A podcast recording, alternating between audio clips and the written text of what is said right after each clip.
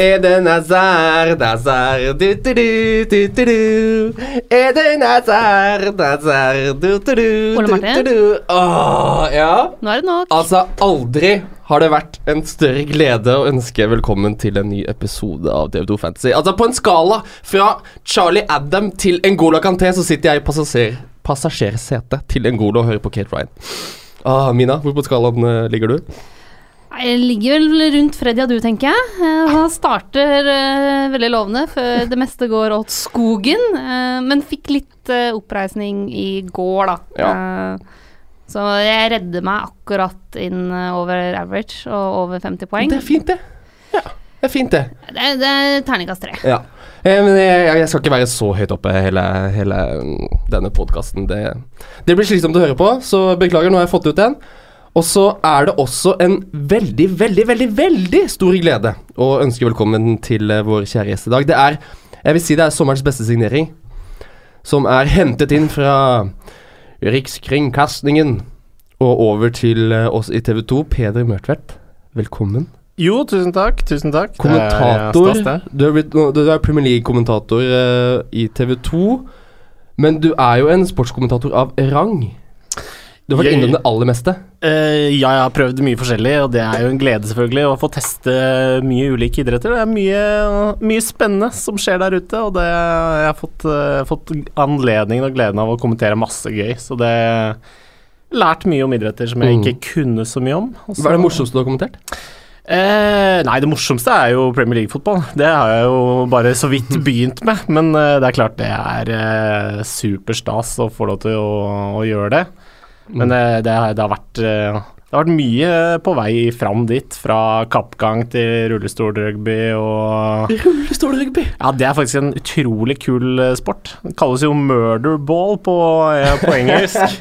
Tror du Burnley kunne gjort det bra der, enn forsvarsrekka si? Ja, altså Det hadde i hvert fall vært en helt annen uh, tabellposisjon for Burnley i murderball kontra, kontra den Premier League-sesongen som de har hatt så langt. Mm. Det er veldig, veldig veldig gøy å ha deg med her, Peder. Fordi du har spilt fantasy ganske lenge. Ja, jeg gikk gjennom det nå. Jeg starta i 07-08 eh, sammen med en kompis av meg som starta da sesongen før. Så vi har holdt på i en del år nå, og har jo ligaer som er ti år gamle. Så det er, eh, det er hyggelig at mange har blitt med oss på laget Mm. etter det. Men har du, var det sånn i starten at du brukte en sesong på å måtte lære deg litt spillet? Jeg gjorde i hvert fall det. Eller har du på en måte bare gått rett inn, og så har du vært god fra start av? Nei, jeg har jo aldri vært god. Eh, jeg hadde en bra sesong i fjor, uh, men bortsett fra det så har det jeg ligget og skura sånn greit. Og han kompisen som jeg snakka om, uh, som heter Carl, han er, har alltid vært bedre enn meg. Og alltid vært over meg. Og så er det sånn For meg i fantasy så har det alltid Jeg syns det er veldig gøy å holde på med, men det er jo alltid en kamp, eh, en slags sånn maraton. Mm. Hvor lenge orker du egentlig å henge med på det? Mm. Og um, det, sånn er det i år også. For Ja. det er klart når du får melkesyra etter to kilometer, sånn som det ofte blir, så er det tungt å fullføre. Ja, det er tungt. Det kjente jeg på i helga, men det skal vi ikke snakke om nå. Um, Men det jeg lurer på, Peder, er største forskjellen fra Fantasy i 2007-2008 og Ja. nå, 10-11 år etterpå? Ja, det er ikke egentlig så store forskjeller. Det er, spillet er nesten det samme. Det er jo klart, De har jo introdusert noen nye ting, sånn som at det er to wildcard i løpet av en sesong, men wildcard var med helt fra starten av. Det er eh, eh, den free-hiten som man kan gjøre nå, eh, jo, den var vel ny i fjor. Mm. Så, men bortsett fra det, så er det egentlig ganske likt. Det er ikke de store endringene, det er det samme vi får hvert eneste år. og Sånn, eh, det eneste jeg tenker på som den store forskjellen, var at da var Cristiano Ronaldo med på spillet, så da trengte vi ikke å tenke noe særlig på kapteinsvalg. Det var han hver helg. Og så etter det, så Og han forsvant til Madrid, så har det jo vært litt mer variasjon, i hvert fall. Mm. Litt mer variasjon, og det var Det var litt variasjon rundt kapteinsvalget denne um, runden også, eh, Mina. Um, vi må jo ventilere litt etter runden. Ja. Det er litt- derfor vi sitter her. Det er det vi skal gjøre i dag. Vi skal snakke oss gjennom eh, helga som har vært, og gå gjennom både dype daler og høye topper etter eh, helgen. Og så skal vi se mm, litt fram mot eh, runden som også kommer da til helgen. Først er det jo europeisk fotball som skal sparkes i gang. Det er Champions League og Europaliga og alt det moroa der. Men vi skal eh, snakke om helga, vi skal snakke om helga som kommer, og så skal vi snakke Vi skal også prøve å rangere midtbanespillere under 8 millioner og spisser under 7 millioner. Det kan bli en vanskelig oppgave, for der er det ekstremt mange å ta av. Men eh, først Mina, Mm. hvordan var eh, poengfangsten denne helgen? Nei, altså det er et par spillere som leverer, og så er det fryktelig mange som skuffer. Eh, lander på 51 poeng. Eh, jeg har lært etter hvert å ikke klage så lenge jeg er over 50 poeng, og så lenge jeg er over average, fordi det sitter alltid folk som har fått sånn 27 poeng og 30 poeng og, og sånne ting. Men jeg er jo ganske skuffa, jeg skal innrømme det.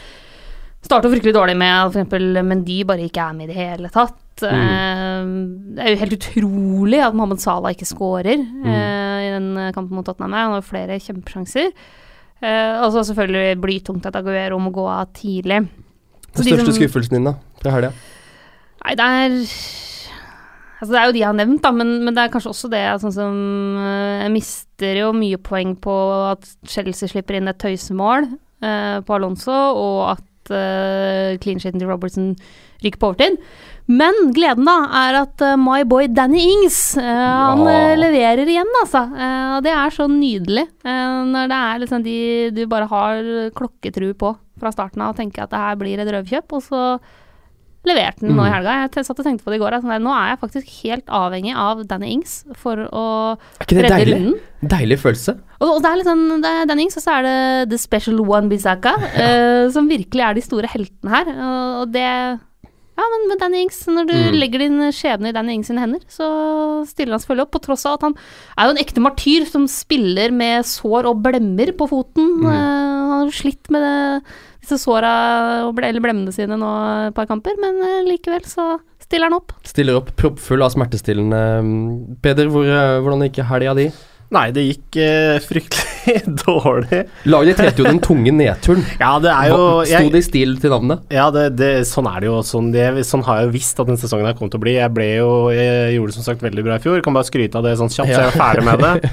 Da ble jeg nummer 6000 og litt i verden. Ja, Og da tenker jeg sånn Ok, år i år, det blir aldri det samme uansett. Og det har begynt eh, blytungt. så hadde jeg en fin andrerunde da, med Aguero som kaptein der og litt, eh, litt god stemning. Og så, etter det, så har det vært eh, fryktelig, fryktelig tungt. Og eh, den helga her var ingen, eh, ingen endring. Det er eneste er vel som at jeg, som en del andre, når Mendy ikke spiller, får inn Van Bissaka, og han redder inn nye poeng der, og gjør at jeg i hvert fall nærmer meg average, men Mm. eh, under er jeg, og det er blytungt. Mm. Det er, det er sånn, eh, sånn kan det gå. Em, altså, jeg ender denne runden på 96 poeng. Du var veldig oppesen i helga. Ja, det er, jeg var veldig, veldig oppesen, for dette her tror jeg er Når vi skal sitte her i mai og oppsummere sesongen, så dette tror jeg kommer til å være høydepunktet mitt. Jeg kan ikke se for meg hvordan jeg skal ha så tur å treffe på nesten alt, sånn som jeg gjør denne runden her. Altså, før eh, helga så tenkte jeg ok, jeg skal være litt gal eller dum, eller hva man kaller det, og så skal jeg gå for Eden Hazard som kaptein. Og så er det bare Det er full klaff, så til de grader. Og um, i tillegg så er jeg kanskje enda mer gal eller dum og lar Ryan Frazier starte i elveren min. Han var Det var ikke, det var ikke mye som til, uh, tilsa at han skulle starte denne runden. Han så ut som han skulle være skada, men han leverer som rakkeren. Og da blir det bare fest, og så får jeg også en special one for Mendy og um, Nei, det er, helt, det er helt, helt sinnssykt. Så hvordan jeg klarer det ja, Hvordan jeg får til denne runden her, det, det er beyond my imagination. Så det er gøy. Det er veldig gøy å klatre såpass um, på uh, ranken. Det skal jeg prøve å finne nå hvor mange plasser jeg hoppa. Jeg må bare være litt på I tillegg så går det an å nevne at du har eh, litt utur da med Southampton på slutten der. Kunne jo Ja. dratt deg opp på den magiske tresifra Ja, jeg- grensa der med Ja, jeg lå jo sikta på 100 der med Cedric i går kveld, men det kan aldri stole på Cedric. Det har jeg lært. Det ville seg ikke. Og kan aldri stole på Southampton. Nei, det er Det vet vi også. Det er helt, helt umulig. Så Nei, det er bare Nå svever jeg på en sky, og det er bare, bare, bare gøy. Så får vi se hvor lenge det varer. Det kommer ikke til å vare lenge. For um, hvis vi skal gå litt inn på kampene da som har blitt spilt Liverpool-Tottenham-matchen. Liverpool var ekstremt solide. Jeg var veldig, veldig imponert, spesielt over det defensive arbeidet de gjør. Mm. Tottenham, Tottenham var nakne, syns jeg. Og det skal Liverpool ha mye æren for.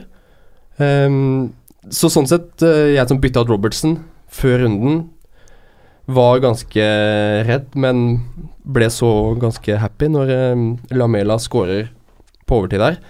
Eh, men det Liverpool-laget defensivt er solid, selv om de nå slipper inn.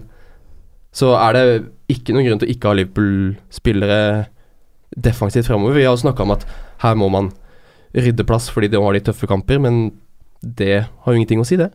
Nei, og så syns jeg det, det kanskje viser sånn fantasy-messig, da, er jo at man har jo tenkt litt på at uh, man har ikke råd kanskje til å ha noen Liverpool-forsvarere, fordi uh, Firmino skal inn, Mané burde inn, Salah skal inn. Men så ser vi kanskje at uh, når en Salah ikke plukker poeng, selv om man opplagt burde gjøre det, når Mané ikke gjør det den helga her, så er kanskje uh, det, Trent, Alexander Arnold, eh, Joe Gomez, de gutta der som ikke koster så veldig mye, Mm. men som eh, jo viser at de er kapable til å holde nullen nesten i hver eneste kamp, mot alle lag i Premier League, kan være gode løsninger, da. For nå har jo Klopp satt den fireren, virker det veldig som. Nå begynner, nå begynner Champions League, så det er nå vi får se det til helga, egentlig. Ja, og det er klart det kan komme rotasjon, det veit vi. Eh, Vi veit hvordan dette var i fjor under Klopp, og vi veit hvordan det er når eh, det kommer tøffe Champions League-matcher og tøffe Premier League-matcher.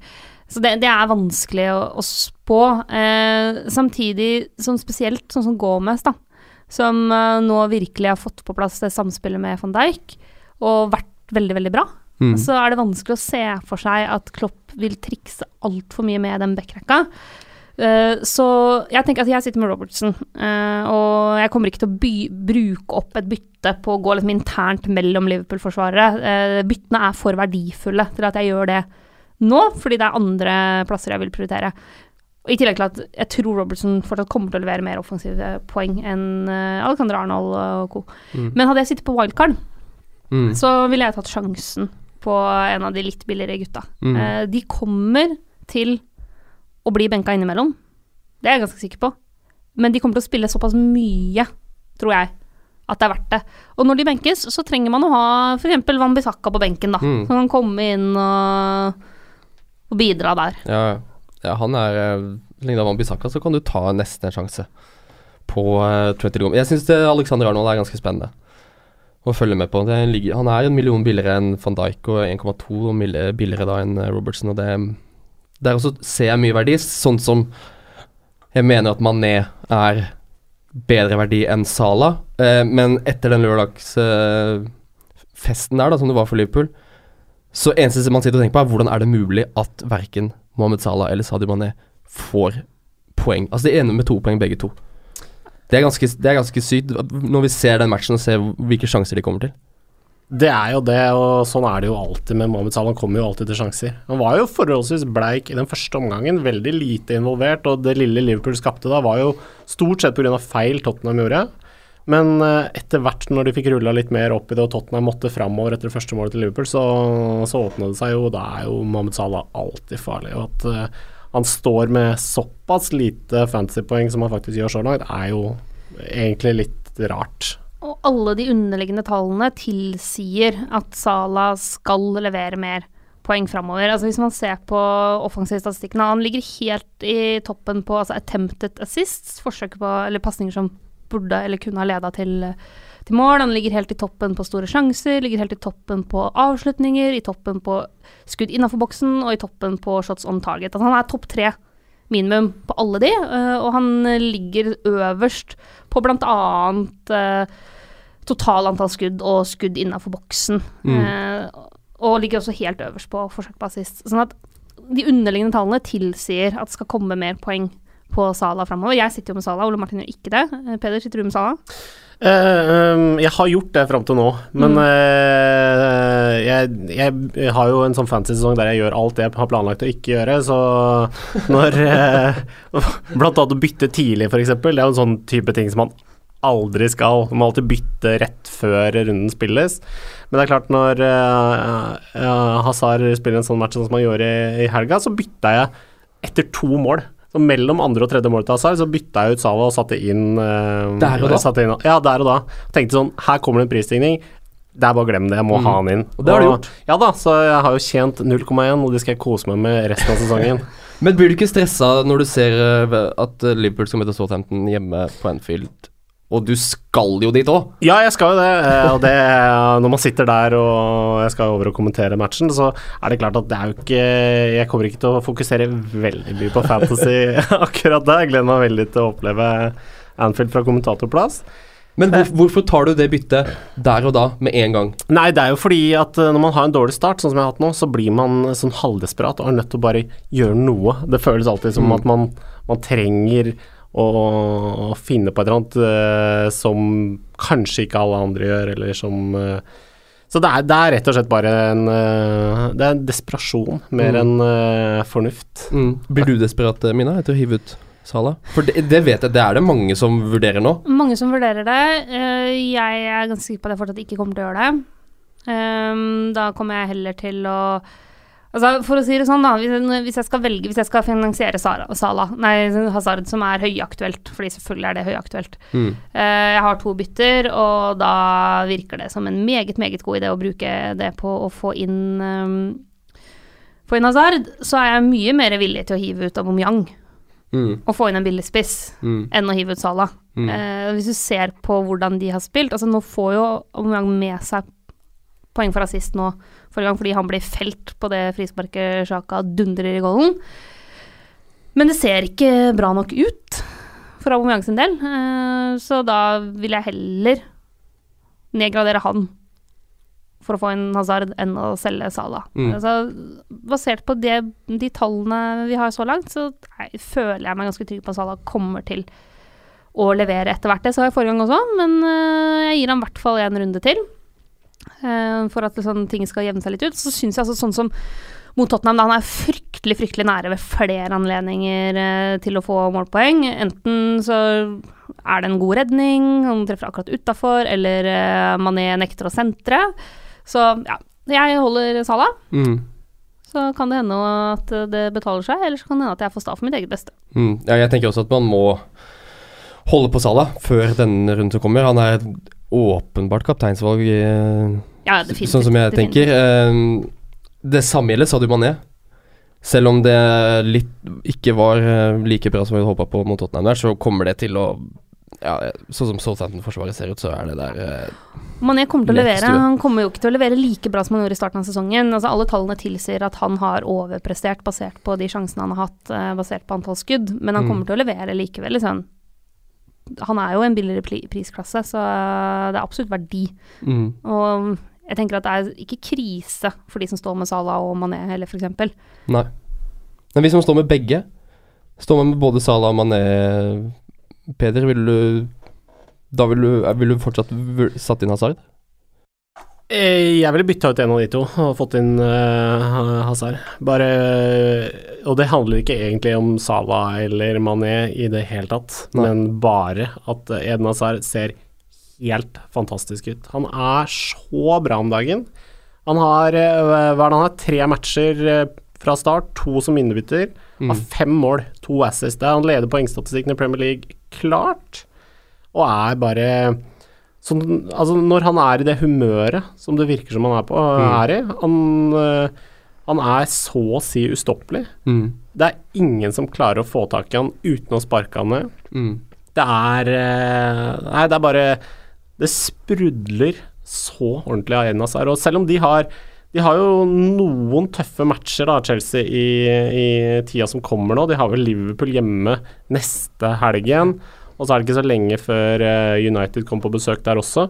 Men allikevel så veit vi at Enazar han er en sånn type Han kan fort skåre to mål, han i sånne kamper. Mm. Så Nei, det blir spennende å se. Eh, Sarri var jo ute og meldte at han skulle skåre noe voldsomt med mål den sesongen her. 30-40 mål, Ja, sier Sarri. Og så syns jeg jo altså Chelsea um, Hvis vi kan si noe om det, så er jo det der link-up-spillet som han og Giroud viste i helga, Mm. er jo veldig spennende. Så Giroud også, en liten outsider eh, Mm. på spissplass der, gått ned et par tideler eh, til 7,8, vel, Mm. er eh, kan være en, en aktuell eh, kandidat, hvis han får fortsette å starte, da. Det er jo det man alltid er litt usikker på. Ja, fordi det er jo Giro Giroud kan være en eh, joker, det er jeg helt enig i. Det er 2,5 eier han. Men uh, hvis vi skal holde oss på Hazard først, da. Mm. Ja, vi kan ta, ta Giroud, eh, Mina, når vi først eh, er på Olivier Giroud. Ja, Slik jeg ser det, så er jo Giroud Chelsea spiller mye bedre med han enn Morata. Og det tror jeg også Sarri ser sjøl. Jeg håper det. Um, er mye bedre i det link-up-spillet. Og det er som en type som Han kan få like mye assist som han kan få skåringer, for det er ikke, det er ikke noen toppskårertype. Nei, han fikk jo to assist nå i helga til eh, begge til Hazard, da, som han spiller opp. Og den aller fineste av de blir jo ikke faktisk scoring, når han drar han Ja. gjennom en sånn hælflikk der, og, og Hazard får jo, Det er jo den største sjansen Hazard har, egentlig, i hele matchen. Mm. Den setter han ikke, så det er vel eh, Det er eh, Nei, det, jeg tror det kan bli uh, skummelt for motstanderlag hvis de fortsetter Hvis han begynner å spille fast. Men Ja. da, da tenker jeg man må se an litt det, da. Det er akkurat det. Eh, fordi du har såpass mange spillere som skal inn i miksen der, og så er jeg litt spent på hva Sarri gjør med Morata, og hva han tenker rundt Morata. Eh, om, han har jo tidligere, da han var i Italia, klart å liksom jobbe ganske godt med spillere og utvikle det potensialet de har. Om han klarer det med Morata, det gjenstår jo å se. Mm. Så, men, men Giroud det er verdt å skrive ned. Eh, Jeg ville ikke liksom heve han innpå nå. Eh, Men hvis det ser ut som om han eh, får flere sjanser fra start, så er det kjempeinteressant. Selvfølgelig Mm. er det kjempeinteressant. Men det er klart også det her Her har du forskjellen da på å ha en god start kontra en dårlig start. Ja. Har du en god start, sånn som du har nå, Ole Martin, så er det sånn Da kan man sitte og vente litt. Ja, Og sitte og tenke sånn Ok, eh, jeg gir det et par runder. Spiller han fra start tre-fire runder på rad, folk begynner å kaste han inn på laget, da kan man kaste seg på. Har du dårlig start, sånn som jeg er, så blir man mer eh, sånn at man tenker Kanskje jeg må finne de, de spillerne som ikke så mange andre har, de som gjør den forskjellen, da. Mm. Eh, som kan gjøre at man henter inn 10-20 poeng Mm. i, i enkeltrunder, og Mm. som gjør at man kan begynne å klatre oppover i venneligaene sine. Mm. Og, Oliver Olivier Giroud tror jeg kan være en sånn type spiller. Ja, det mm, Jeg syns det er spennende. Det er som du sier, Peter. Jeg kommer jo til å bare sitte og følge med. Og gi det i hvert fall én eller to runder, som sagt. Ehm, når vi først er inne på Chelsea, Pedro og William fram og tilbake, annenhver kamp. Er det bare å droppe, eller? Så jeg er litt frista til å gjøre det nå. Det er også litt fordi at uh, det, er, det finnes jo regler om hvor mange Chelsea-spillere jeg kan ha i laget mitt. Ja. Uh, sånn at uh, da blir det jo fort vekk Pedro som ryker hvis Azard skal inn. Men er det ikke nå tida for at nå starter William neste, og så kommer Pedro inn fra benken, og så scorer han?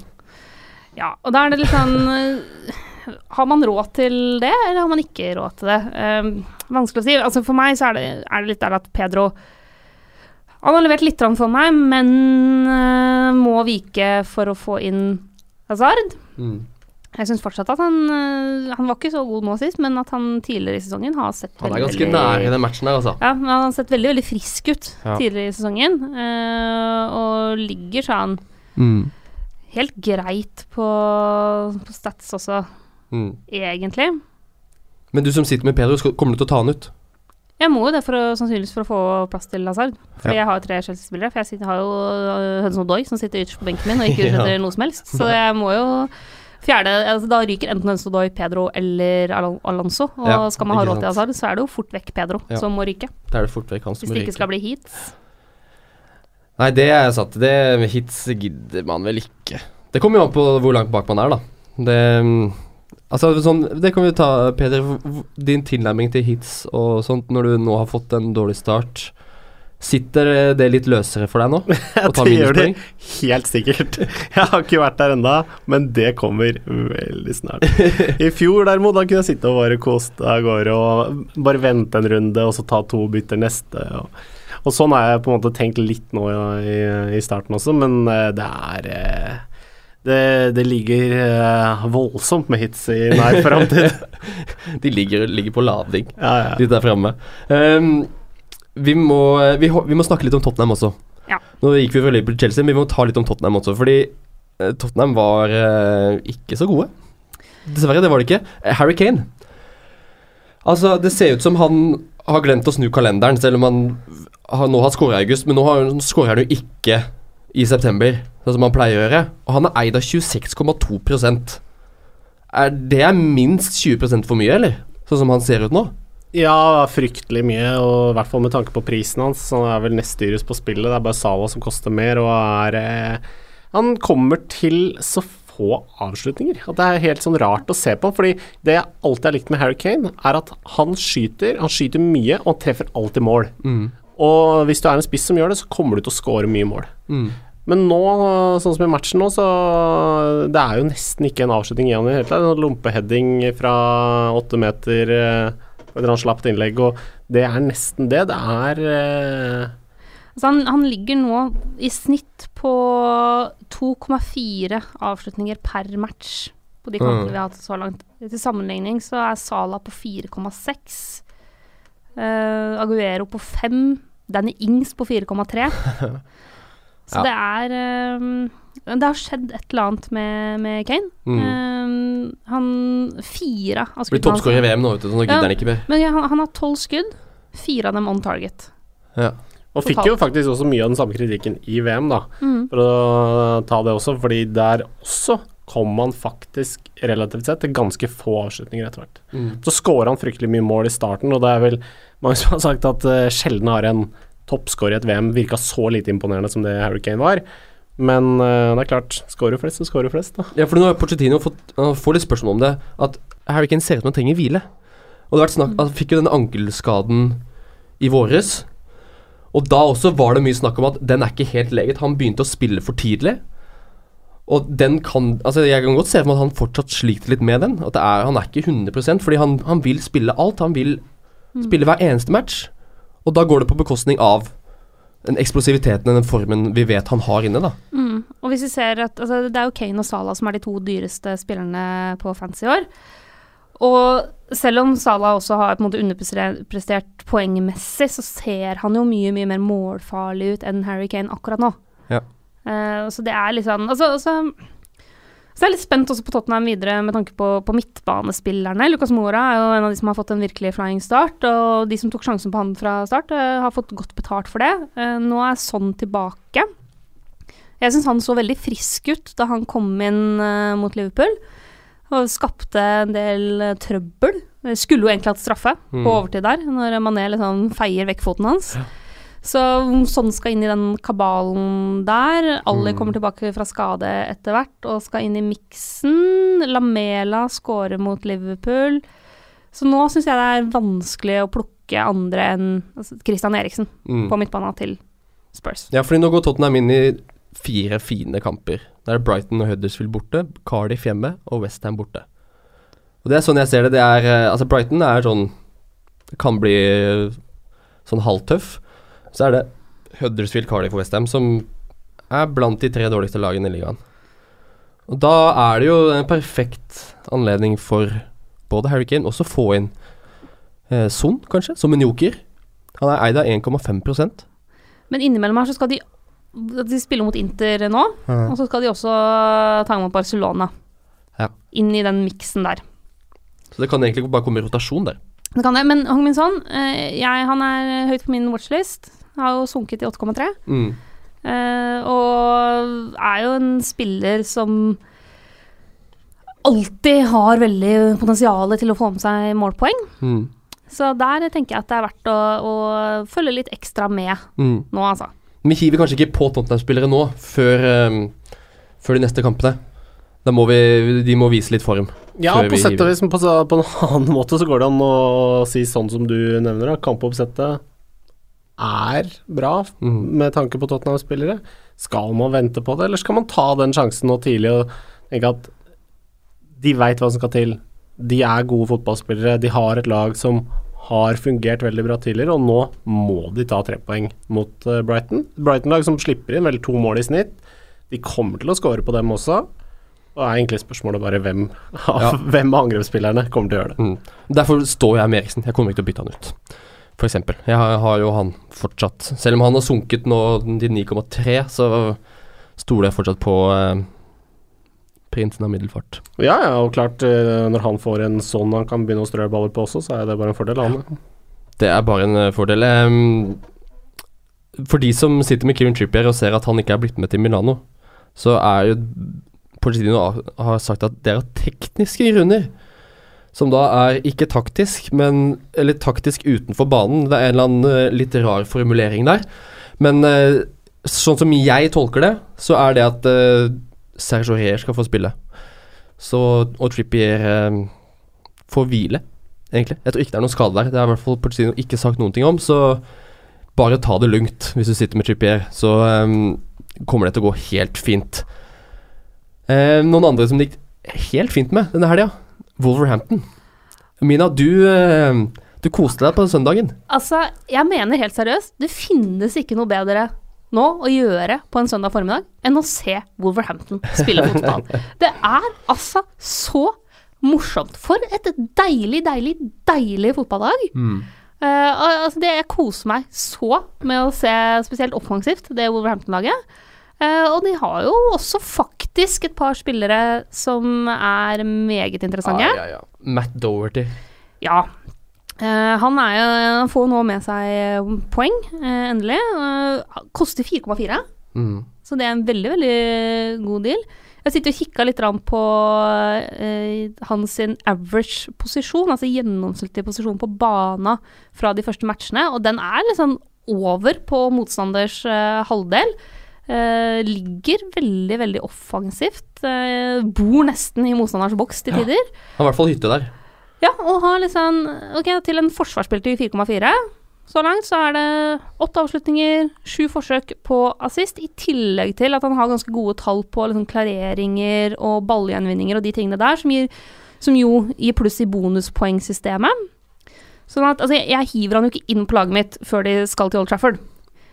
Det gjør jeg ikke. Så klokkertro har jeg ikke. Men hadde jeg sittet på wildcard nå, så ville jeg tatt han inn. Mm. Altså 4,4 med så gode offensive tall, og han både har liksom gode underliggende tall og passerer den der øyetesten. Eh, når du sitter og ser han spille, så ser det Du ser hele tida det potensialet for å få med seg noe, noe offensivt også, da. Mm. Ja, og det er jo interessant også med Wolverhampton, fordi uh, før sesongen så snakka alle om det voldsomme um, offensive potensialet. Ikke sant? Så Sitter der, alle satt jo med Yota før Game Week 1 eh, og, og lignende, men så er det jo kanskje forsvarsspillerne nå eh, etter de første rundene så virker som de beste kjøpene, for de koster ikke så veldig mye.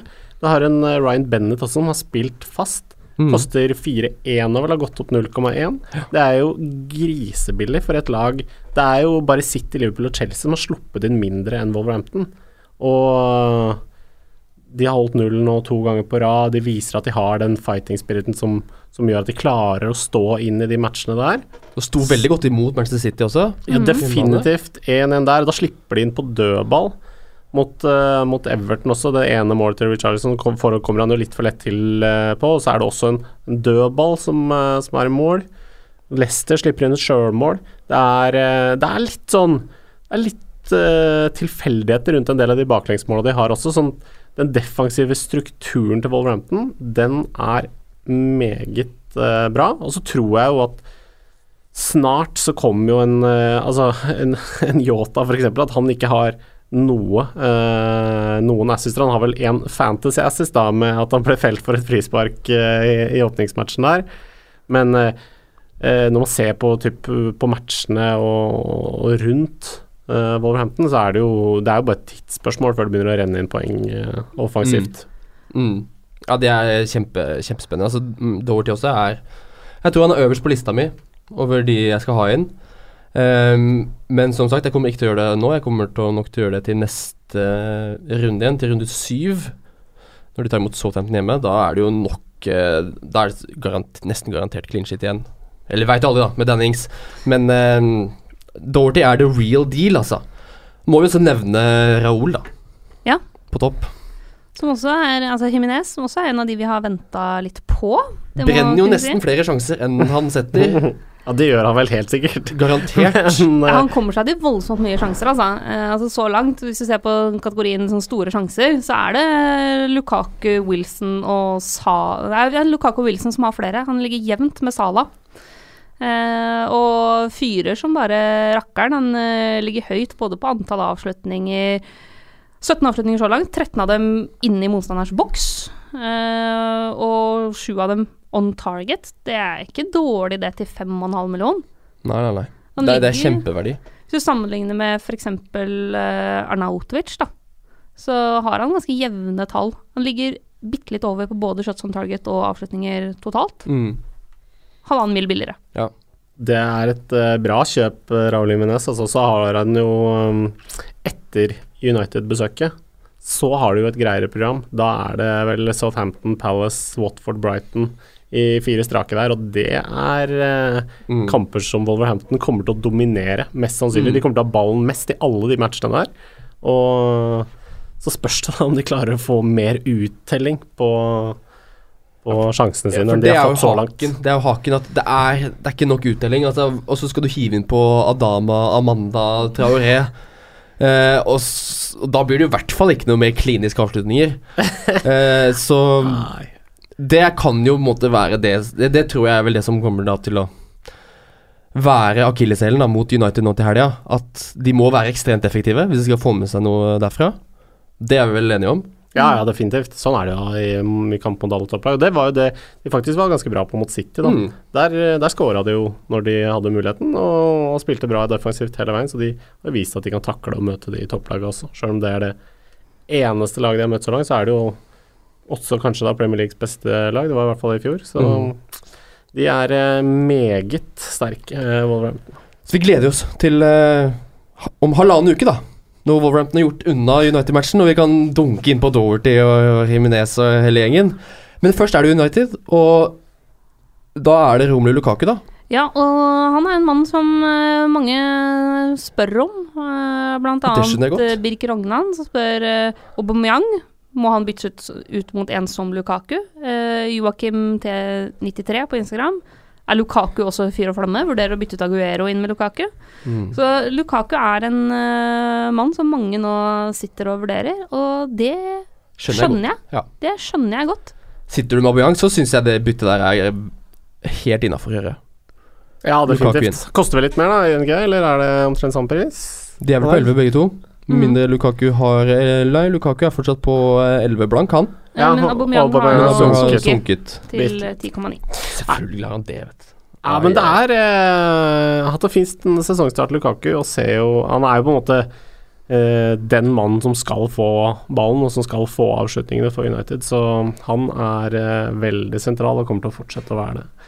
Han har Det er- starta fire kamper, Ja, og han kommer til å starte alt. Sånn er det bare. Mm. Uh, så han eh, han er Mourinhos uh, targetman, rett Mm. og slett, og kommer til å komme til mye sjanser.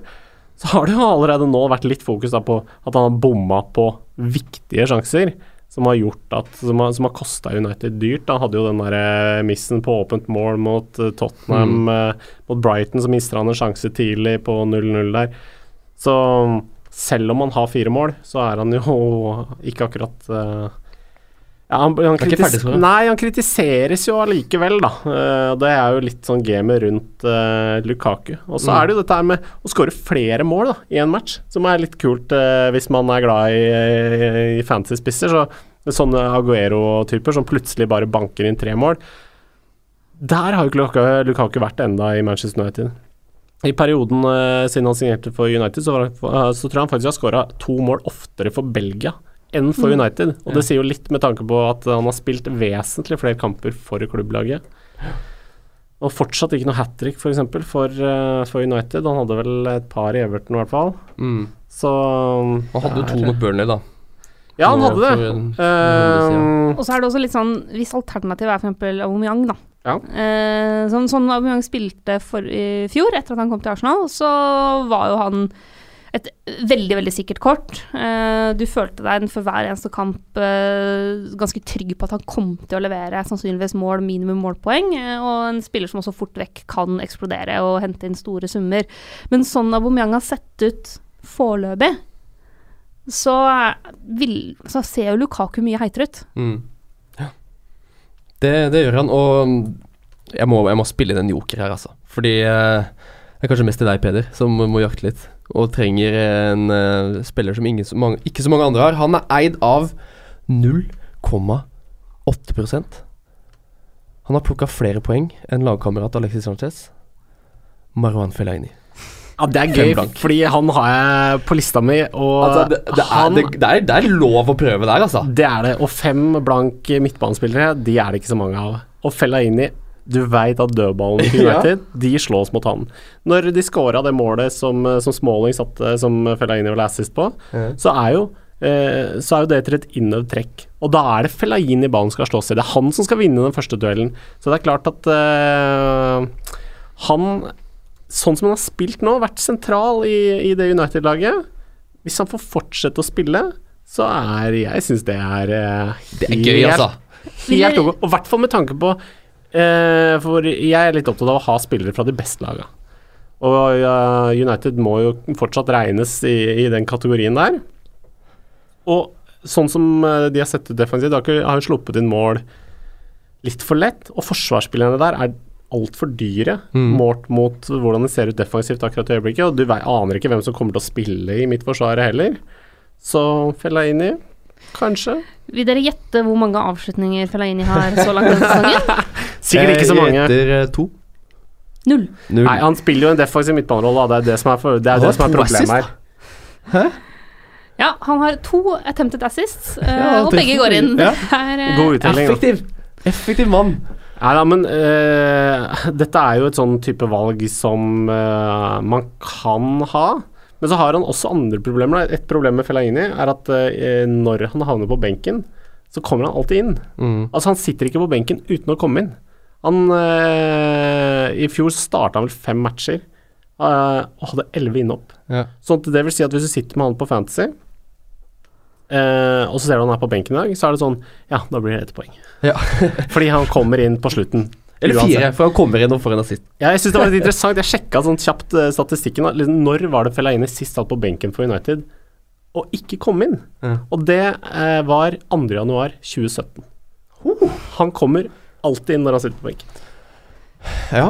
Altså, du, da kan du lese det som at det er et problem, jeg, men jeg også leser det som at Ok, men da er han, er han Da er han satt inn for å gjøre en jobb, og hvis han da kommer inn de siste 20, så er det dødballer på hodet hans. Da er han sentral de minuttene han spiller, men ok, greit. Jeg skal ta den, altså. Han får jo ikke nok minutter. Men, Nei, definitivt eh, ikke, men i fjor så skåra han fire mål på fem starter, da. Det Ja. går an å se det sånn nå. Du kan se det sånn Men det er jo elleve innhopp, da. Skal vi videre fra Fellaini, vi eller? ja, vi kan gå videre fra Fellaini. Vi skal ikke videre fra Fellaini. Vi fortsetter litt. Nei, nei, vi kan gå videre. Å, fella, fella. Er, og så i rosa drakt òg. Det er bare nydelig. Det er et nydelig syn. Um, ok, vi må snakke litt om Arsenal nå. Vi har vært inne på Aubameyang. Uh, du som sitter på Almina, Mina. Få dommen her nå. Er han ferdig spilt på laget ditt? Eh, han eh, ryker nok, med mindre det skjer et eller annet rart i Champions League, så ryker Aubameyang. Uh, så sant uh, Aguero er skadefri eh, og ingen, ikke får noen kjipe skader ellers, så Mm. ryker han for å finansiere Hazard. Mm. Eh, så er det også folk som spør om Aksel Gundersen, eksempel. Hva gjør man med Michtarian? Det er mange som har spurt om det. Ja, Snakk om énpoengspiller, da. Er, Makan, altså. er det flere som har spurt Er han på vei tilbake i samme mørke United-kjelleren som han havna i i fjor? Det ser veldig sånn ut, og det er fordi nå har Lacassette og Bumang begynt å spille sammen. Mm. Altså begynt og begynt, da. Nå har de gjort det i to matcher. Og med Øzil der, så er ikke Da er Mkhitaryan på benken. Sånn, sånn er det bare, tror jeg. Ehm, og det er, det er synd Mkhitaryan, men sånn er det nå blitt. Sånn har det blitt, og da må man bare akseptere det og reagere på det. Og da syns jeg at uh, Mkhitaryan må ryke. Og det er ikke noe å vente på. Det Man kan fint kan, Kanskje starter nå til helga, men um, den som er, Da må man nesten heller begynne å tenke på Mesut Özil. Og det gjør man faktisk ikke når du spiller fancy. Du tenker ikke på Mesut Özil, for han er sjuk annenhver uke, ass. Men for et par sesonger siden så var Özil sånn set and forget-spiller. Du satte han inn i laget, så visste du at det kom en sånn stødig strøm med Mm. målpoeng, stort sett i form av assist. Og så har jo det snudd totalt. Eh, veldig hyggelig for Øzil å få Ja. mål nå. Unner han det, han har hatt en trøblete tid. Men eh, han kommer ikke inn på mitt lag. Nei. By now. Da må han vise litt Og mer. Mkhitaryan må ut.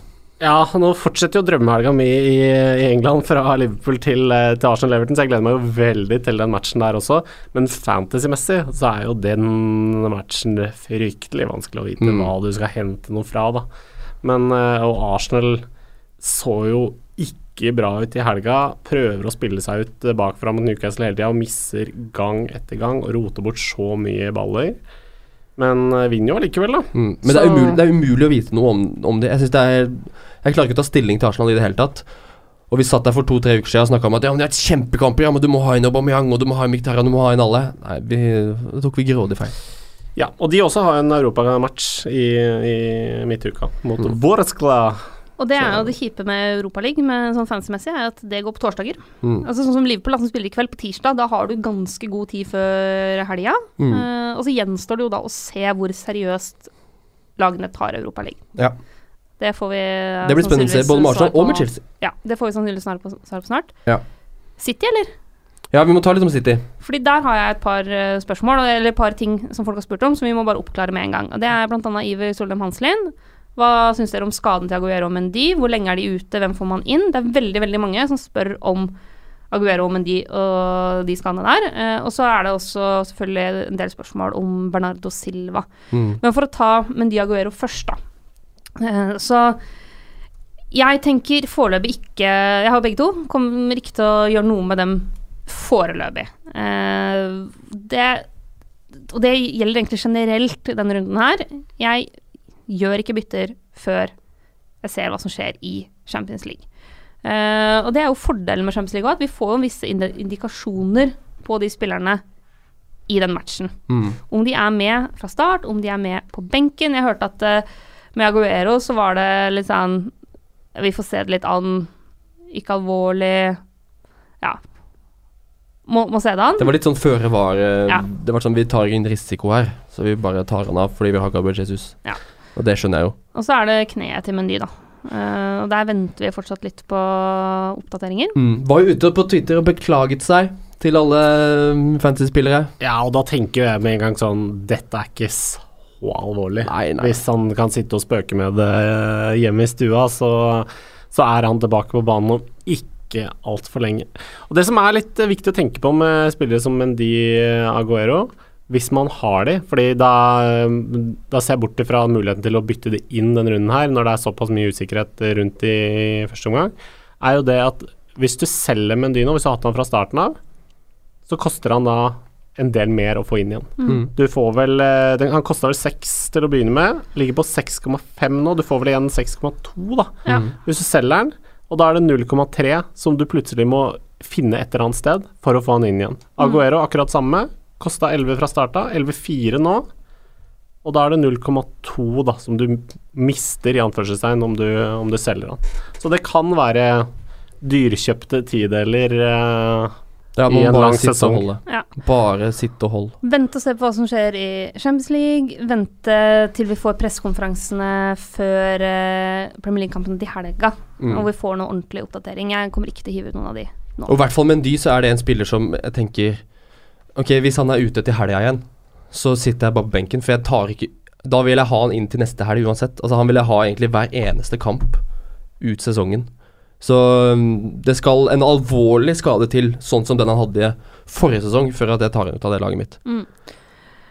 Men um, Bernardo Silva også, hva vi, må vi nevne litt om. Altså, har vi egentlig valgt feil Silva? Det Er jo det jeg føler når jeg sitter med Bernardo Silva, og han er kjempegod Mm. i den matchen mot Fulham. Og Pep skryter han opp i skyene hver eneste helg. Men få noen poeng, da, gutt. Det er jo Ja, tynt ingenting. Det er tynt. Skåra jo for Portugal i Nations League Ja, ja, eh, også. Selvfølgelig skal han gjøre det, Ja, ja. men han gidder ikke å score for City. Kan Åh, jo hende at det han er så frustrerende, altså. Nei, han hadde jo det målet i, i åpningshelga der, og så er det tørka inn etter det. Ja, for Så- det også gjør at når du scorer i første runde, så tenker du bare ah, yes, nå har jeg valgt riktig. Og så sitter den følelsen i en måned fram i tid, og så evner du ikke å endre mening og tenke at nei, nå bør jeg egentlig få han ut. Og det er jo tungt med lag som Liverpool som City, der vi veit at de kommer til å skåre mye mål, men så er det ikke dine spillere som skårer. Og det er jo en sånn type spiller jeg føler i hvert fall at Bernardo Silva er. Der leiter man sånn desperat på oversiktene. Blei det assis, blei det mål? Ikke denne gangen. Mm. Fordi det er um, Du sitter med Bernardo Mina, Det gjør jeg. Peder? Nei. Nei. Heldig gris. Ja. Jeg er jo i den situasjonen at jeg har tenkt å bytte ut Bernardo Silva nå, Mm. før helga. Men jeg har ikke peiling på hvem jeg skal sette inn, fordi det er så sinnssykt mange gode midtbanespillere i den prisklassen der. Så det, det, det vi må gjøre nå, både for min del og forhåpentligvis for noen som hører på også, vi må rangere midtbanespillerne her under åtte. Så da har vi Bernardo Silva, Eh, vi har Mkhitaryan. Han har, vi- kan vi bare luke ut med en gang. Lucas Mora. Richarlison har vi der. Eh, vi har Madison, vi har Pedro, Walcott, Pereira. Så må vi kaste inn Ryan Frazier, og vi kan til og med kaste inn André Schirle. Ja. Topp tre av den eh, gigantiske bunken jeg nevnte nå. Så for meg, med tanke på garantert spilletid og verdi kontra pri, altså poengverdi kontra pris, så syns jeg at uh, Richarlison, Madison og Frazier kanskje er de som frister mest. Altså, det Richarlison viste før han blei utvist, var enormt bra. Mm. Uh, han kommer til å Vi leter jo etter disse gutta som er main man i, i sine lag. Vi veit han kommer til å starte så lenge han er skadefri, så lenge han ikke er suspendert. Vi veit at veldig mye av Evertons spill kommer til å gå gjennom Richarlison offensivt. Uh, han skåra for Brasil nå i landslagspausa. Mm. Eh, litt samme med, med Madison, eh, som er helt sentral i det Leicester-laget. Eh, og Frazier pga. pris. Mm. Altså, når han, han ligger så offensivt Altså, han kommer ikke til å få 18 poeng, Nei, nei, nei. stort sett. Det, det kommer han ikke til å være i nærheten av, altså. Eh, men likevel så, så har han også underliggende tall som tilsier at det er ikke bare flaks, da. Nei. Det er ikke bare flaks at han får de her måla sine. Uh, han kommer seg til mye sjanser. Han er, ligger kjempehøyt på sånn forsøk på, på assists. Mm. Så, og Bournemouth spiller offensiv fotball. De Mm. er jo et lag som skal i angrep. En del av de her midtable og nedlagene er jo forholdsvis defensivt anlagt, mens Mm. Bournemouth er et lag som alltid vil, vil angripe. Mm. Så, Så du har Richarlison, Madison og Frazier. det er mulig jeg faktisk har Frazier over uh, Madison pga. pris. Ja, det er lov, det. Skal få lov til det, Mina. Altså det, det er liksom, dette er top of my head, da. Ja, ja. Det er uh, som mye annet det er i livet her. Top of our head. Uh, Peder, hva sier hodet ditt? Jeg syns Mina er eh, inne på mye bra der, altså. Jeg har ikke noen spesielle innsigelser på det. Jeg syns jo Lukas Mora har sett glimrende ut, Mm. men usikkerheten rundt hva slags lag Tottenham kommer til å stille med både Champions League-messig og Premier League-messig, Sonin inn, alle snart tilbake fra skade, vil vel gjøre at jeg ville vært litt sånn forsiktig med den. Men så, samtidig så veit vi at Pochettino har jo vært ganske tro mot de gutta som han har valgt seg ut tidlig. Og Lucas Mora har jo ikke gjort noe for å ikke gjøre at han skulle fortjene mer tillit, akkurat. Nei. Han har vært eh, Sånn som mot Liverpool i helga, så var det jo han som dreiv angrepet til, eh, til Tottenham fram til sånn kom vi på slutten her. Mm.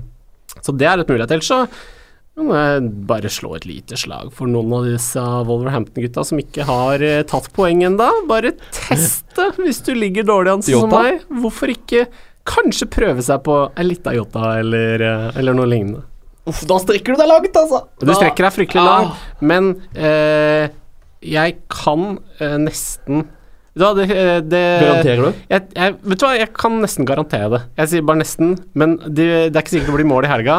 Men i løpet av de neste tre rundene, før neste landslagspause, så har Yota skåra et mål. Det Ja, det er Ok. Garantien fikk du der fra Peder. Eh, Jeg vil nesten ha Madison nummer én, jeg. Og det er ehm, Det er den derre kjedelige jeg Ikke fasiten, men det kjedelige argumentet med kampprogram. Ja. Og litt sånn der Jeg føler også det er litt Det har ikke vært så enorm uttelling som man kanskje hadde forventa, men så har han ikke vært så blendende god som Richarlison. Da havner vi fort i skyggen der. Men nå er det Huddersfield hjemme neste. Bare den kampen der gjør at det bikker i Madisons favør for min del. Uh, så jeg syns Madison er spennende, og så er det Richarlison, selvfølgelig. Det er egentlig de to det står mellom for min del. Mm. Det er jo også fordi jeg har Fraser fra før. Og du var smart, du. Så um, ja, glimter til en gang iblant. Så um, det, er en, eh, det er en mørk skog man må um, navigere i, men um, Madison og Richarlison er de to vi må følge, som vi tror har mest verdi under den prisklassen der.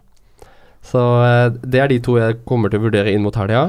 Um, til slutt må vi bare ta med Special One, Bisaka. Ja, nydelig, nydelig mann. Uh, han er altså Han er legende. Det er tre bonus igjen, og alle som ikke har Van Bissaka, må få inn på Van Bissaka asap. Altså, det er helt spinnvilt. Han er en gave uten like. Det er 24,5 som har han. At ikke han har 50-60 eierandel, det skjønner jeg ingenting av. Han, må, han, han, han er jo en- must-have. Vi kan snakke om at Hazard er must-have. Van Bissaka er must-have. Det er Kjempeverdi til den prisen. Ja, ja, helt, uh, klart. Så um, da har vi fått hylla han litt. Mhm. Det må, vi, det må være lov. Um, også Wilfried Saha, da, som eh, er beviser hvor viktig han er for det laget for Crystal Palace. Som Simen nevnte i forrige podkast, når Saha spiller, så holder Palace også nullen. Ja, de er de bedre vinner. både offensivt og defensivt Mm. med Saha.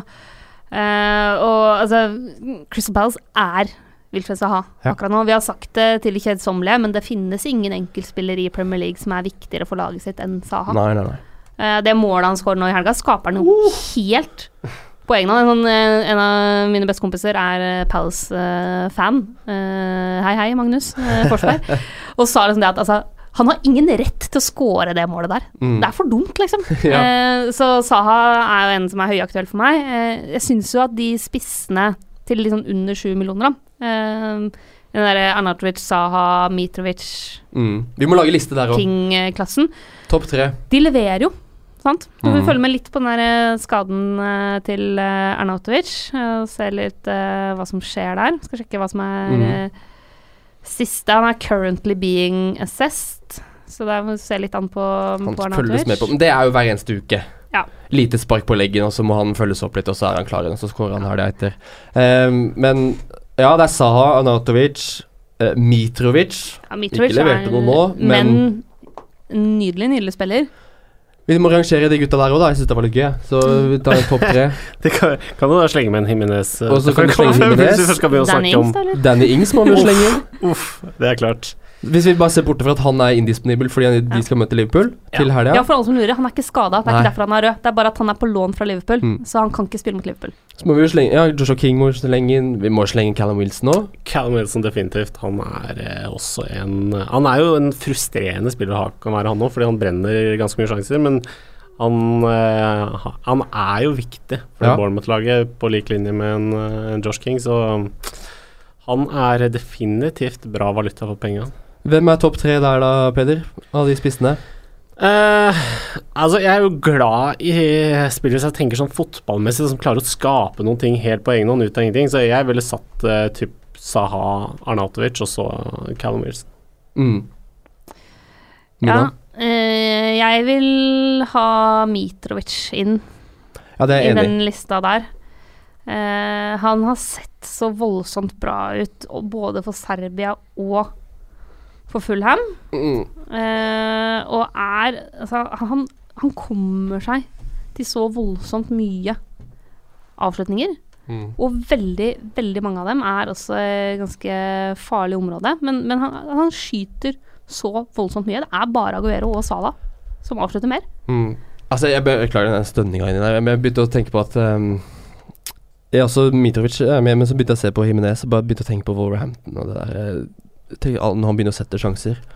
Og da skjønte jeg at ok, nå må jeg velge bort Saha Anatovic eller Mitrovic. Fordi jeg vil ha Jimenez som en av de tre, pga. pris. Og Saha har jeg jo sjøl, jeg har valgt han av en grunn. Det er det derre han ene og alene er det laget. Mm. Da må jeg vrake Anatovic eller Mitrovic. På pallen. Det som jeg syns taler for både Saha og Mitrovic, da, eh, er at eh, når Palace og Fulham scorer, så er det forholdsvis stor sjanse for at de er involvert i de måla. Spesielt Saha. Der er Saha ja. en klasse for seg. Men sånn som Bournemouth, da. Med Joshua King, Callum Wilson. King som ligger litt lenger bak i banen, men tar straffene. Så er det på en måte flere å dele målpoenga på. Mm. Litt det nå i Westham også. Mm. Uh, altså Nautovic er ikke, sam, er ikke like på en måte Plutselig er det Jarebolenko, liksom, som Ja, ikke sant? Dunker inn. Så det syns jeg taler for Saha og Mitrovic Ja. i den miksen der. Ja. ja, jeg setter Saha og Himnes jeg er på én og to, og så blir det Mitrovic nummer tre. Sorry, Marco. Det er ikke på min pall, altså. Nei, og så er det jo fryktelig kampprogram, da. Om vi kan mase om til dødelig for, uh, for Westham de neste matchene. Ja, det blir tungt. Det er Chelsea United uh, begge, riktignok, uh, på hjemmebane først. Og så er det Spurs etter landslagsopphold igjen.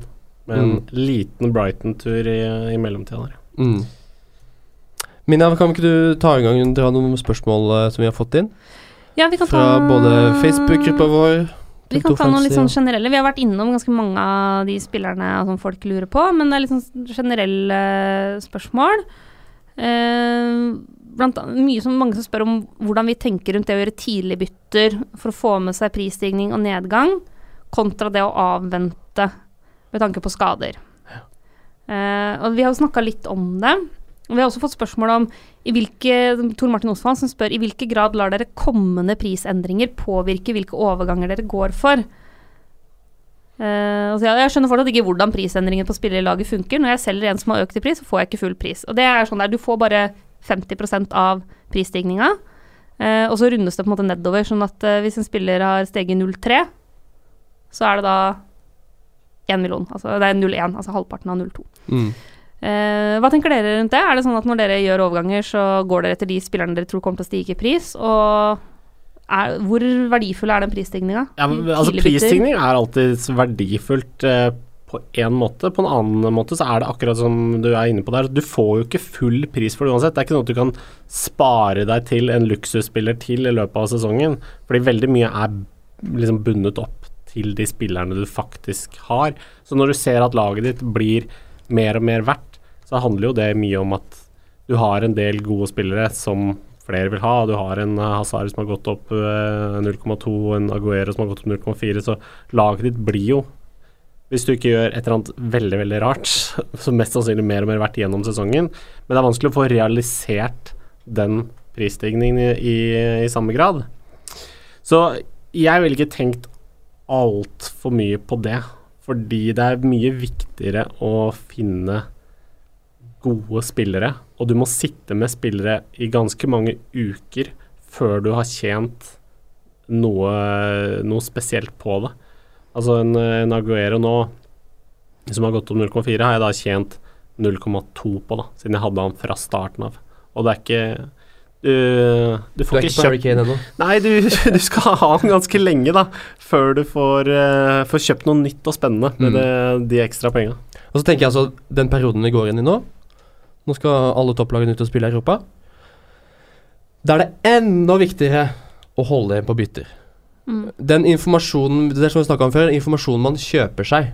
Ja. Ja, du betaler 0,1 for å få ekstra informasjon på pressekonferansene på fredagene og dagen mm. før kamp. Det er det, nå er det enda mer verdt. Mm. Altså For to-tre runder siden så tok jeg et bytte tidlig i uka bare for å være aggressiv. Jeg bare måtte gjøre noe, være litt uh, reaksjonær. Men det er fordi da var det ikke noen midtukekamper. Mm. Så da er du mye mer trygg på at ok, de klarer å holde seg skadefrie på trening. Men nå er det kommer det midtukekamper nesten hver uh, uke framover og utover høsten. Nå begynner det å bli mye mer intenst i kampprogrammene, spesielt i topplagene. Og da er det enda viktigere. Det er helt essensielt, mener jeg. Ja? Du, velger, du velger, om du skal investere 0,1 i en spiller eller 0,1 i informasjon. Mm. Det er det valget man står i. Uh, og jeg velger veldig ofte da å, å investere 0,1 i informasjon. Mm. Uh, og heller ta og risikere en prisendring der. Uh, det er ingenting som er surere enn å ta ut en spiller som du f.eks. har hatt en fin prisstigning på, eh, og som vil koste deg mer å ta inn igjen. Så tar jeg ut Aguero nå, jeg kjøpte han jo for 11. Tar jeg ut Aguero nå, så taper jeg 0,2 hvis jeg skal ha han tilbake igjen. Hvis han da viser seg å være skadefri, så er det blytungt. Mm. Det, er, det, er, surt. Og når det kommer til det med å la prisendringer påvirke hvilke spillere man henter inn, eh, så er det mer omvendt. Altså, at jeg ser meg ut hvilke spillere tror jeg kommer til å prestere framover. Eh, hvilke spillere har gode tall, hvilke spillere ser bra ut i kampene. Og så hender det at jeg da må ta litt hensyn til potensiell prisøkning. Uh, for å og, og, kanskje må gjøre et litt tidligere bytte enn det jeg egentlig vil, for å kunne ha råd til den spilleren. Uh, og så er det heller, heller mer sånn hvis jeg f.eks. står med to spillere som jeg begge vil ha ut av laget mitt uh, fordi jeg er drittlei, og én av dem ligger an til å gå ned i pris, så kan det være greit å prioritere det jeg bytter ut i forkant. Mm. Um, altså Jeg er 100% enig. Det er smart å vente holde an til helga, men nå har jeg akkurat den helga gjort akkurat det motsatte.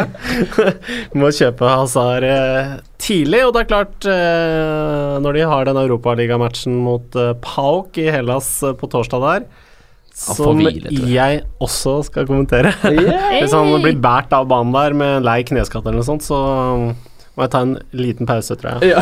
Gå og hente meg en kaffe i mellomtida. Vi tar noen spørsmål til, gjerne. Hvis du har det klart, uh, quizmaster Mina, Det har jeg vært. Kan, jeg kan ta et helt uh, rent uh, teknisk et først. Ja. Fra Stine Espen, som sier at han har to bytter. Vurderer å bruke wildcard. Uh, tar jeg med meg de byttene til neste runde, eller blir de sletta når jeg bruker wildcard? Og da er det sånn at hvis du bruker wildcard, så er du tilbake på ett bytte neste gang. Så da får du ikke med deg den som liksom Ja. Mm. Det samme gjelder free hit. Eh, Jørgen Rogel, Pereira eller Charlesson? Rent dilemma. Peder? Eh, jeg ville kjørt Richarlison, tror jeg. Altså, Watford er jo litt spennende det som fantasy-lag. Eh, fordi det i likhet med Wolverhampton er det eneste laget som har kjørt samme elver alle fem ukene. Og Mm. å være, ha en veldig sånn forutsigbar elver er jo en fantasy-verdi. At du veit hvilke spillere som kommer til å spille, med veldig stor sannsynlighet. Så Breira kommer til å spille. Jeg er ikke helt på han ennå, så uh, Richarlison, spiss-ish type spiller på midtbanen for omtrent samme prisen. Jeg, jeg hadde gått for han. Mm. Ja, Richarlison. Enig. Enig. Helt enig. Ehm, vi kan ta uh, Vi må snakke litt om hvilke bytter vi skal gjøre til helga, da. Ja. Vi snakker litt om oss selv igjen. Uh, denne byttespalten vår uh, Peder, nå har du allerede gjort bytte, du. Ja, stemmer. Så for, de som ikke har, for de som har begynt å høre på episoden nå, så kan du gjerne si det igjen. Ja, der er Salah ut og, og Hazard inn. Så hadde jeg to bytter, så da kjørte jeg også Pedro ut og inn med Eriksen for de manglende pengene. Som jo begge Ja. to Altså, det er jo to lag som skal spille borte. Jeg er i utgangspunktet ikke så glad i det heller. Fordi man vil jo gjerne Vil jo gjerne ha en kaptein som spiller på hjemmebane. Mm. Vil gjerne ha bytte inn spilleren som skal spille på hjemmebane, fordi det rett og slett er større sannsynlighet for at vi vinner da. Så, men eh, nå har jeg sagt det noen ganger at jeg gjør jo alt motsatt av det jeg egentlig har som prinsipper at man burde gjøre. Så nå har jeg egentlig bare bytta inn to gode spillere som jeg veit kommer til å spille. Mm. Eh, Mina, hva gjør du til helga? Det kommer litt an på uh, siste nytt på Aguero og Meny og der. Eh, hvis alt er fint og flott med den gjengen, så blir det nok Jeg har to bytter, så blir det nok Aubameyang og Pedro ut for Hazard og sannsynligvis da Mitrovic, hvis han ikke stiger for mye i pris. Hvis Hvis han gjør det. hvis han gjør det, så må jeg finne på noe annet. Og uh, det kan også være at uh, jeg vurderer å ta minus fire.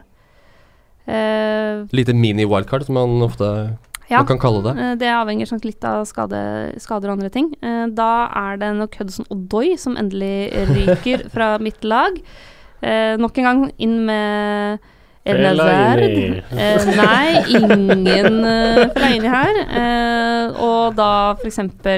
Saha eller Mitrovic, og så må jeg ha en eller annen grisebillig midtbanespiller, og det kan være det blir Høiberg. Ikke fordi jeg tror han kommer til å skåre masse mål, men fordi han er billig og kommer til å spille.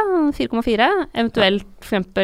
Vi snakka forrige episode om eh, Cardiff og Ward, som skal mm. spille spiss. Problemet er jo at Cardiff ikke kommer til å skåre noe særlig mål. Nei. Så det hjelper på en måte ikke sånn voldsomt mye. Men eh, ja, da, da må jeg finne en eller annen ordentlig, ordentlig billig dude. Mm. Og da er vi på under fem-sjiktet, på en måte, er det det du tenker? Nei, For altså- oppå fem så har du jo, eh, hvis du nevner Watford så vidt igjen, nå har de hatt en kanskje litt oppsiktsvekkende god start, men en Will Use f.eks., er fem Ja. blank, tenker jeg er en, eh, en aktuell type. Nå har han endelig fått være skadefri en periode, spiller fast, er i en offensiv posisjon ute på høyresida der. Han eh, er en type som kommer til å hente en del poeng.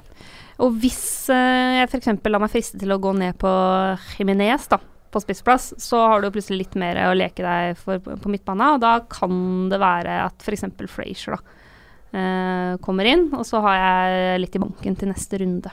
Mm. Du har litt å gruble på, Mina. Det har jeg definitivt. Eh, men det, det skal man ha. Eh, jeg eh, selv så var jo Er jo tankene Ja, det er, det er liksom å se an Aguero, som sagt. Uh, Bernardo Silva se også an. Det kommer an på City i Champions League, hva de gjør. Men jeg har lyst til å spare det byttet. Lyst til å bare la det stå. Så jeg har lyst til å spare meg opp til to bytter nå. Selv, og da kunne gjøre Cedric til Doherty og sånn helga etter og kose meg og leke litt da. Mm. Bare sveve videre på den skyen jeg er på nå. og så bare rase ned på 40 poeng. Det er det. Det blir deilig. Um, kjapt også, hvis de som skal ta en hit denne runden, hvilken spiller har vært minus fire? Sånn en Hazard spiller nå, så er han verdt minus fire, sånn jeg ser det. Uh, og spesielt når han skal møte forsvarsrekka til Westham. Mm. Enig. Ja, det bifalles det der. Det er ikke noe særlig tvil. Det er ikke så mye å tvile. Uh, jeg ville også nesten sagt at Det er nesten litt motsigende, men uh, altså Sala før denne runden her, før Southampton, er um, Der kan Jeg tror jeg kommer til å eksplodere. Også som er grunnen til at jeg kommer til å falle ned på 40 poeng. Det er det. Det går opp og ned i livet. Det er sånn det er. Eh, Sala er jo en mann som da er ganske heit eh, kapteinsalternativ til helga. Vi må drodle litt rundt det. Hvem er det som har fått kapteinspinnet nå på tirsdag, som vi spiller inn dette? Bare sånn første tanker. Mina? Nei, sånn eh, Det jeg tenker akkurat nå, er eh, Sala hjemme mot Southampton. Ja. Eh, Den er ganske foreløpig ganske enkel for min del, egentlig. Mm. Peder? Eh, Aguero mot uh, Cardiff borte, hvis han er frisk. Ja. Eller bare kjør med Hazard mot, mot Westham, som Nei. er shaky bakover. Mm. Ja, jeg fristes også av de to, men jeg har Foreløpig så står det på Sadio Mané. Ja. Og det er litt fordi at, ja, det er hjemmebane for, Det er noe med hjemmebane-greia. At du har lyst til å ha en kaptein på hjemmebane. Eh, så mm, han, Jeg syns han er like nære poeng som Salah er. Så foreløpig står det på Mané, men det kan godt bli Hazard også. Men jeg, jeg liker ikke det å ha samme kaptein to runder på rad. Det er bare sånn hangup jeg har. Nei, det er jo mange. fryktelig dumt med kaptein i form nå. Ja, det er jo kjempekjedelig. Så er det Det er jo dumt vel- å gamble Det på det. Det sier jo alt da når du har, han har levert 20 poeng helga før, og så Nei, jeg har ikke lyst til han som kaptein igjen. Det er vel en sånn fancy greie med at uh, det lønner seg alltid å ta det mest opplagte valget som kaptein. Ja. Så er det Mané, så tar man det. Er det Hazard, så Det var liksom førsteinstinktet. Jeg pleier alltid å gjøre det når, når runden er i gang. Altså Lørdag kveld så går jeg inn og ser på laget til neste helg igjen, og så setter jeg kapteinen der og da. Liksom Første instinkt pleier å følge det. Og det kan gå sånn ok noen ganger. Det gikk greit forrige helg, og så får vi se hvordan det går til helga. Det er god, det. Den er god. Jeg syns det var eh, en eh, fin prat. Eh, Vi må tenke litt mer på kaptein, og det skal vi tenke ferdig til fredagen. Da blir det Fantasy fredag, som vanlig, på eh, Facebook-gruppa vår, TV2 Fantasy. Og så kliner vi til på Instagram-profilen vår også. Der heter vi også TV2 Fantasy. Og så skal vi kose oss med Champions League og Europaliga. Ah, Det blir så deilig. Det blir deilig. Mina skal ha en tur til Bergen i mellomtida. Og Peder, du får uh, nyte europeisk uh, godfotball. Og så må du ha en nydelig tur til England til Ja. det kommer jeg helt sikkert til å ha. Liverpool Southampton først, og så Arsenal-Everton. Så øh, da er det jo muligheten selvfølgelig å bare holde igjen helt, velge Aubameyang som kaptein der, og bare satse på at han endelig skal klare å skåre mål. Vi krysser fingra. Det håper på en deilig helg. Eh, Tusen takk for at du hørte på denne bablinga. setter vi stor pris på. Følg oss da på Instagram, Facebook, og gi oss tilbakemeldinger eh, når du treffer oss, eller på sosiale medier. Alt ettersom. Takk, Mina, for at du var med. Bare hyggelig som alltid. Så eh, sier vi takk for nå, og hei då!